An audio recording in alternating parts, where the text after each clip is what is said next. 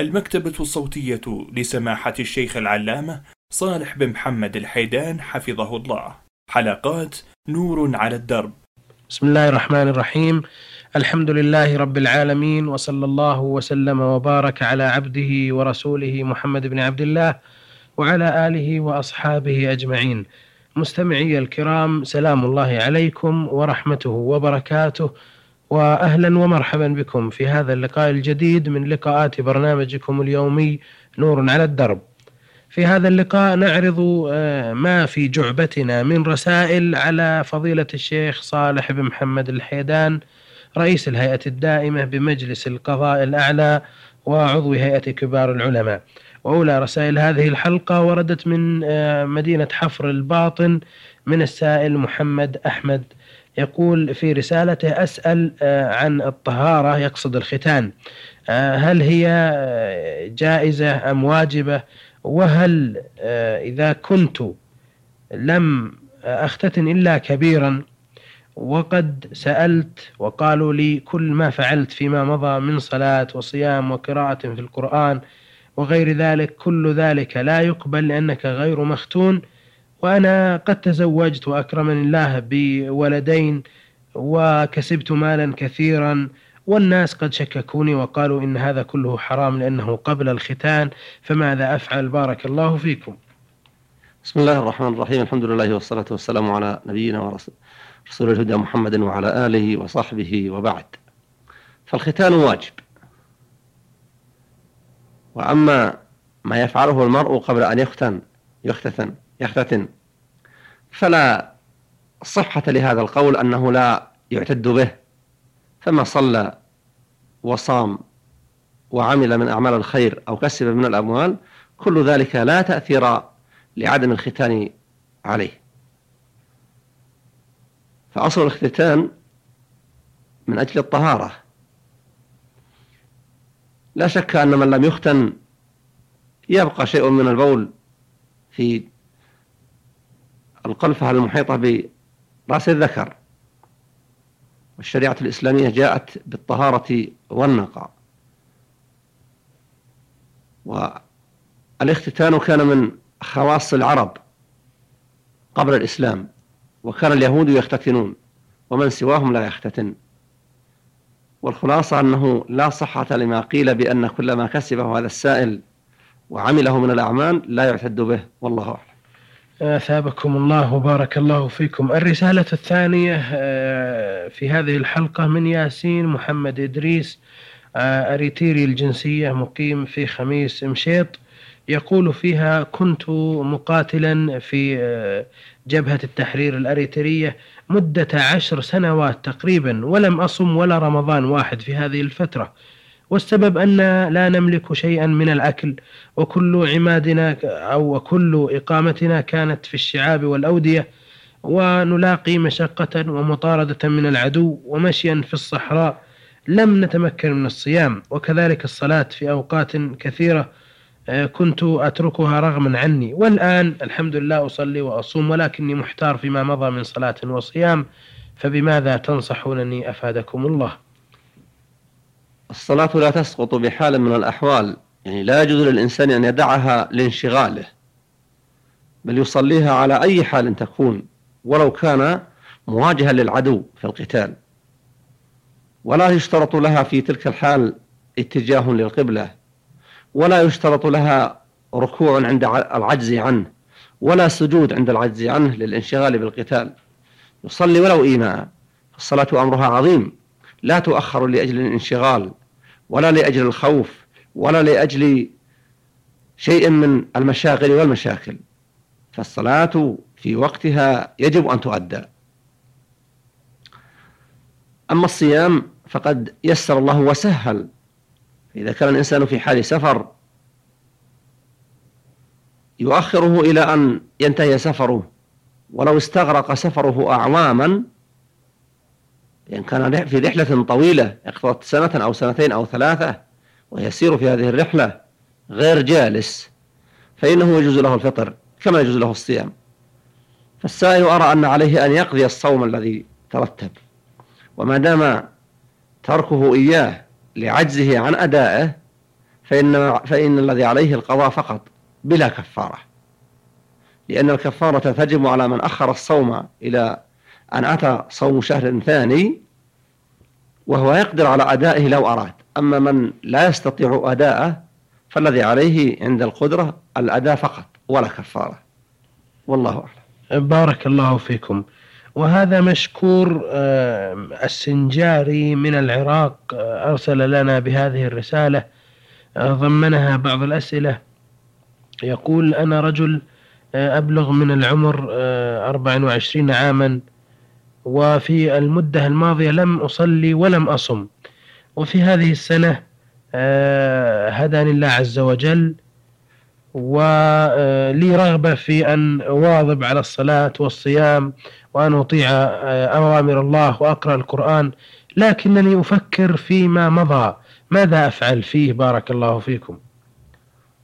ألزم طاعة الله وطاعة رسوله وحافظ على الصلاة في أوقاتها.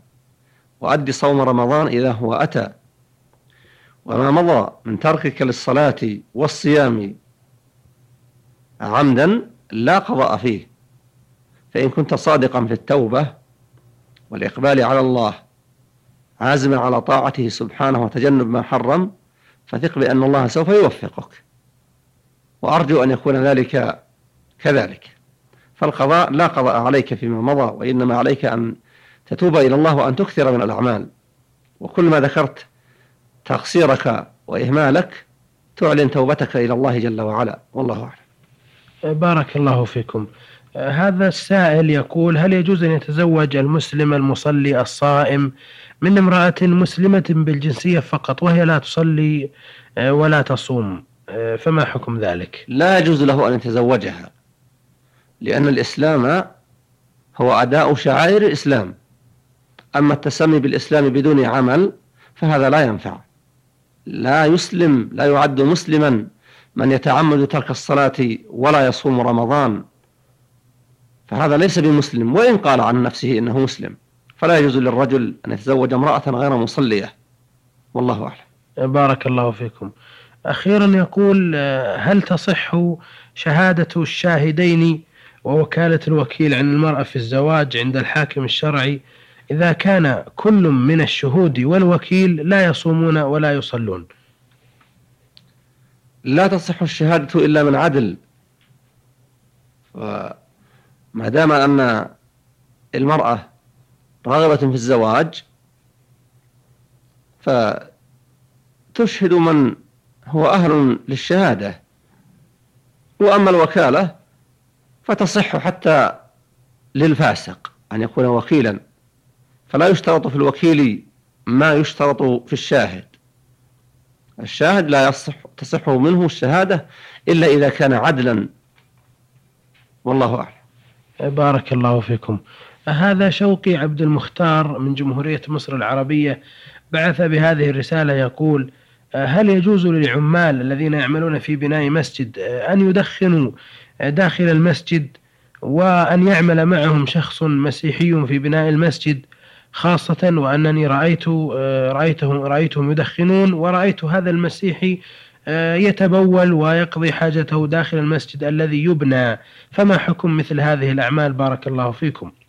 أولا عبد المختار. يجب أن تغير اسمك إلى عبد الله. المختار ليس من أسماء الله. وأما المسجد فهو حتى الآن ليس بمحل العبادة لأنه ينشأ وسوف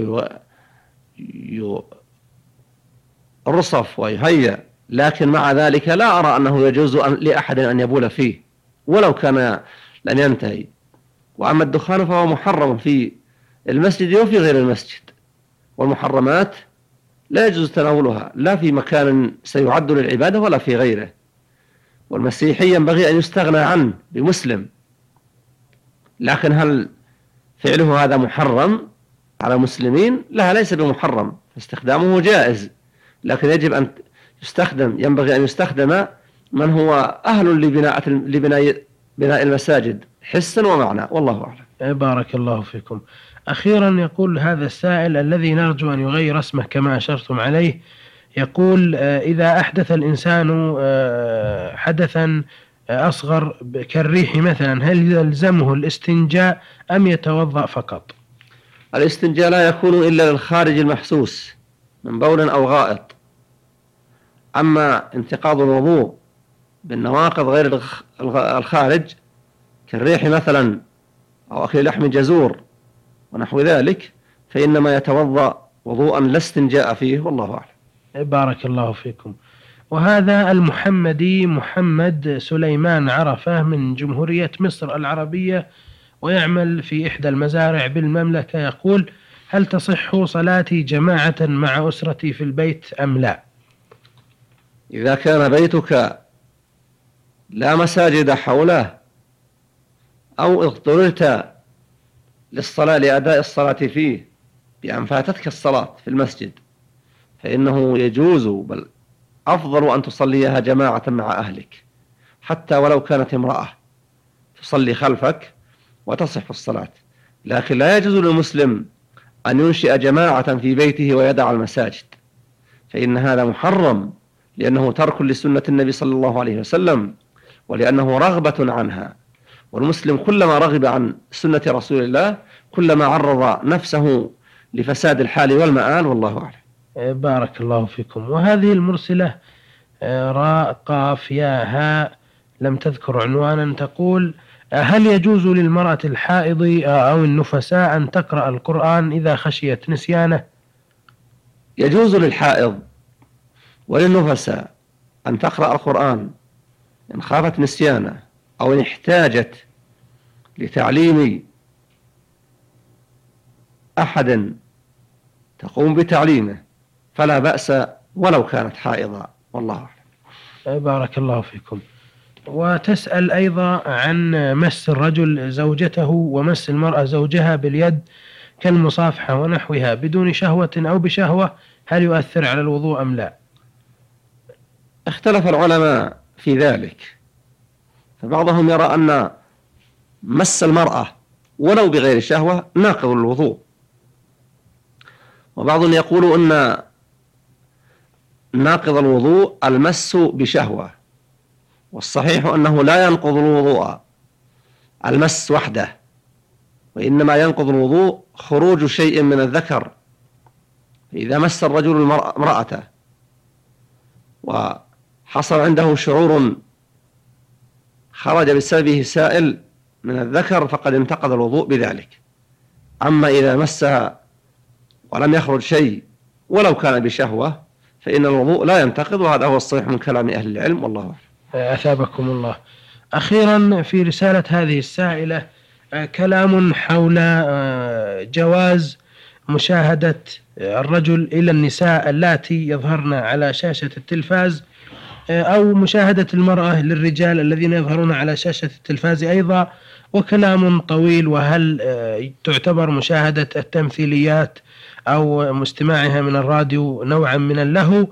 وأيضا هناك رسالة بين يدي من المرسلة نون لام حامن السعودية تتكلم فيها عن مشكلة لها مع التلفزيون الذي لا يوجد في بيتها وأولادها يذهبون إلى الجيران لمشاهدته وأبوهم يرفض إدخاله بيته فأصبحت تعاني من تفرق أولادها عند الجيران وتخشى عليهم وتسأل هل يجوز لها أن تدخله البيت حلا لهذه المشكلة؟ فبماذا تنصحون؟ بارك الله فيكم. بالنسبة لمشاهدة الرجل النساء اللواتي يظهرن بالتلفاز أو مشاهدة المرأة للرجال الذين يظهرون بالتلفزة والنظر إلى ما يظهر من يظهر من رجال ونساء لا يجوز للرجل أن ينظر إلى النساء ولا للنساء ينظرن إلى الرجال في التلفاز. فقد أمر الله الرجال أن يغضوا من أبصارهم وأمر النساء أن يغضن من أبصارهن. ولا فرق بين أن تنظر إلى من يظهر في شاشة التلفزة ولا أن بين أن تنظر إليه في غير ذلك. فكل نظر بشهوة وتفرس. فهو ممنوع في الإسلام لأن الشريعة جاءت بدرء المفاسد وجلب المصالح جاءت بإغلاق كل الأبواب المؤدية إلى فساد الأخلاق والوقوع في المحرمات. أما ما يتعلق بالسائلة في موضوع أولادها فلا شك أن الاستغناء عن التلفاز في البيت طيب إذا أمكن طيب إذا أمكن لكن إذا ترتب على عدم إدخاله تفرق الأولاد واختلاطهم بالآخرين وقد يجر هذا الاختلاط أمرا لا يرضاه رب الأسرة لأولاده. وأصبح مضطرا فإنه يجوز شراء التلفاز لهذا الغرض لأن ارتكاب أدنى مفسدتين دفعا لإعلاهما وإهدار أقل المصلحتين جلبا لإعلاهما كله من مقاصد الشريعة الإسلامية. والله أعلم. بارك الله فيكم. آه، هذا أبو عبد الرحمن آه، من السودان من الخرطوم يقول هل فتح الكتاب من مشايخ الصوفية؟ يعني أن يدفع الشخص للشيخ مبلغا من المال ويقول له الشيخ ضع يدك على بعض الأحرف ثم بعد ذلك يقول له الشيخ إنك مصاب بمرض كذا وكذا هل هذا العمل يدخل في الدجل والشعوذة أم لا؟ هذا هو رأس الدجل والشعوذة. وهذا نوع من الكهانة الباردة السخيفة. ومن أتى كاهنا فصدقه بما يقول فقد كفر بما أنزل على محمد. وهؤلاء الذين يضللون الناس ويتسمون بالدين فيضللون الناس بهذه الخزعبلات هؤلاء من أهل الفساد في الأرض. على المسلم الذي يتعاطى شيئا من ذلك أن يتوب إلى الله وأن يحرص على الاقتداء بسيد المهاجرين والأنصار. وبأصحابه البررة الكرام من الخلفاء الراشدين الأربعة وبقية الستة المبشرين بالجنة وسائر أصحاب النبي صلى الله عليه وسلم وبقية سلف هذه الأمة الذين هم أزكى الناس قلوبا وأكملهم إيمانا. أما هذه الترهات من فتح كتاب أو قراءة كف أو دعوى علم الغيب أو دعوى وصول أو دعوى رفع التكاليف فكل ذلك من الفساد في الأرض والتطاول على شريعة الإسلام والاغترار وخداع السذج من الناس وغرهم وجذبهم إلى ما لا يرضاه الله ولا رسوله. فيجب على المسلم أن يتجنب أمثال هؤلاء الدجاجلة وعلى كل من تورط من هؤلاء أن يتوب إلى الله. فالله يقول قل يا عبادي الذين أسرفوا على أنفسهم لا تقنطوا من رحمة الله. إن الله يغفر الذنوب جميعا. فكل من تورط في هذه المشاكل عليه أن يتوب والله تواب رحيم والله أعلم. بارك الله فيكم. هذا السائل أبو عبد الرحمن يسأل ويقول هل من السنة بعد الانتهاء من الصلاة والاستغفار والتسبيح والتحميد والتكبير أن يجلس الإمام والمأمومون ويدعو آه، بعض الدعاء بصوت جهري ويرفع أيديهم بالدعاء ويمسح وجوههم بأيديهم أم هذا العمل مخالف لهدي رسول الله صلى الله عليه وسلم؟ أفيدونا بارك الله فيكم. أما إن كان هذا العمل حدث مرة لنازلة نزلت في المسلمين ولخطر يحسون به فأرادوا بعد أداء هذه العبادة أن يتضرعوا إلى الله أن يرفع عنهم ذلك فلا حرج إن شاء الله. إن كان أما إذا اتخذ عادة فهذا بدعة سيئة وزيادة في الدين. حتى ولو كان في دعاء وتسبيح. لأن الخير كل الخير اتباع المصطفى صلى الله عليه وسلم. ولأن الشر كل الشر في التزيد في شريعة الله. والزيادة على بأوضاع ما كانت معروفة في عهد رسول الله صلى الله عليه وسلم ولا في عهد صحابته الكرام. فيجب على المسلم أن يحسن الاقتداء. وأفضل العبادات ما كان مماثلا للعبادة التي كان يؤديها نبينا صلى الله عليه وسلم. وقد قال عليه أفضل الصلاة والتسليم من عمل عملا ليس عليه أمرنا فهو رد. والله أعلم. آه، بارك الله فيكم. هذه رسالة وردت إلينا من أم عبده من السودان كسل تقول في رسالتها كنت قبل أن أعلم أن صبغ الشعر بالسواد حرام أصبغ شعري شهريا كعلاج. ولكنني قرأت حديث الرسول صلى الله عليه وسلم الذي يقول فيه آه، حمروا وصفروا واجتنبوا السواد فتركتها. وقد حصل أن أصبح شعري يتساقط فهل علي إثم لو استعملتها مرة أخرى للمحافظة على شعري؟ مع العلم أن شعري بطبيعته أسود لا يحتاج للسواد. أما حديث حمر وصفره فهو غير صحيح.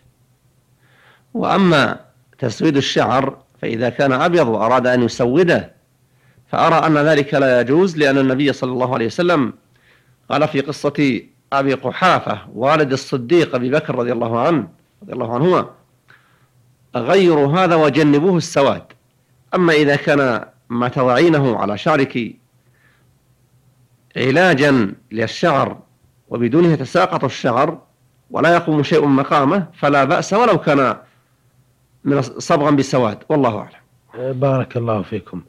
أه، تسأل وتقول أه، هل يجوز استعمال حبوب منع الحمل؟ بالنسبة للمرأة التي تحمل قبل أن يبلغ ابنها أه، سن الفطام أو أن يبلغ سنة أحيانا فتضطر إلى فطامه وهو صغير وتؤثر ويؤثر ذلك في صحته. وهي أيضا تتعب أثناء الحمل بالأمراض الكثيرة وتصبح ضعيفة فهل يجوز لها استعماله حتى يبلغ طفلها سنتين؟ يجوز للمرأة أن تستعمل وسائل منع الحمل للفترة فترة الرضاع ما دامت محتاجة لذلك وما دام رضيعها يحتاج إلى ذلك فلا شك أن المرأة إذا حملت لا يكون قيمة لبنها كقيمته لو لم تكن حاملة. والله أعلم. بارك الله فيكم. تسأل أخيرا وتقول هل يجوز للمرأة المسلمة أن تحتجب بغير الثوب الأسود؟ يجوز للمرأة أن تحتجب بالأحمر والأصفر والأزرق وغيره من الألبسة. المطلوب أن تكون محتجبة عن الرجال ولم يحدد الشارع شيئا من أنواع اللباس للحجاب فالقصد هو الحجاب وليس ما يلبس والله أعلم. بارك الله فيكم. ولكن إذا كان ما تلبسه النساء فيه تشبه بالرجال أو كذا. هو في الحقيقة لا يحصل التشبه بالحجاب. لأن نعم. الرجال لا يحتاج يلبسون حجابا. مثل ما الحجاب الشرعي هو نعم. ستر الوجه والشعر فالرجال لا يفعلون ذلك. إلا إذا كان شخصا مريبا يريد أن يتقنع ويخفي نفسه. والله أعلم. بارك الله فيكم. آه هذا محمد يحيى محمد البعداني من إب من الجمهورية العربية اليمنية. يقول إذا صلى الشخص صلاة الوتر في المسجد وذهب إلى البيت هل له أن يتنفل آه، في الليل أم لا؟ لا بأس أن يتنفل لكن لا يأتي بوتر يصلي مثنى. إن كان يعرف نفسه أنه يسهر في البيت ويريد أن يصلي فإذا صلى مع الجماعة وأوتروا فليشفع بركعة تجعل صلاته شفعا. لا وإن لم يفعل فإنه إذا صلى في ليل يصلي مثنى ولا يوتر. فقد جاء في الحديث لا وتران في ليلة والله أعلم. بارك الله فيكم. ويقول أيضا هل يجوز القراءة أو قراءة القرآن بصوت عال وعندي أطفال أو أناس آخرين جالسين لا ينصتون؟ يجوز لكن لا تقرأ القرآن مشوشا عليهم بقراءتك إذا كان يؤذيهم ذلك. أما أنك تقرأ وترفع صوتك لئلا تتأذى بقراءة بأصواتهم أو لتستطيع القراءة وأن ذلك أيسر لك فلا حرج إن شاء الله. والله أعلم. بارك الله فيكم. بهذا مستمعي الكرام نأتي إلى نهاية هذه الحلقة. التي عرضنا فيها رسائلكم واستفساراتكم على فضيلة الشيخ صالح بن محمد الحيدان فأجاب عنها مشكورا فله شكرنا وتقديرنا. ولكم منا تحية ولكم أيضا تحية من زميلي مسجل هذه الحلقة عبد الله عريف وإلى الملتقى في حلقة قادمة إن شاء الله تعالى. أستودعكم الله والسلام عليكم ورحمة الله وبركاته.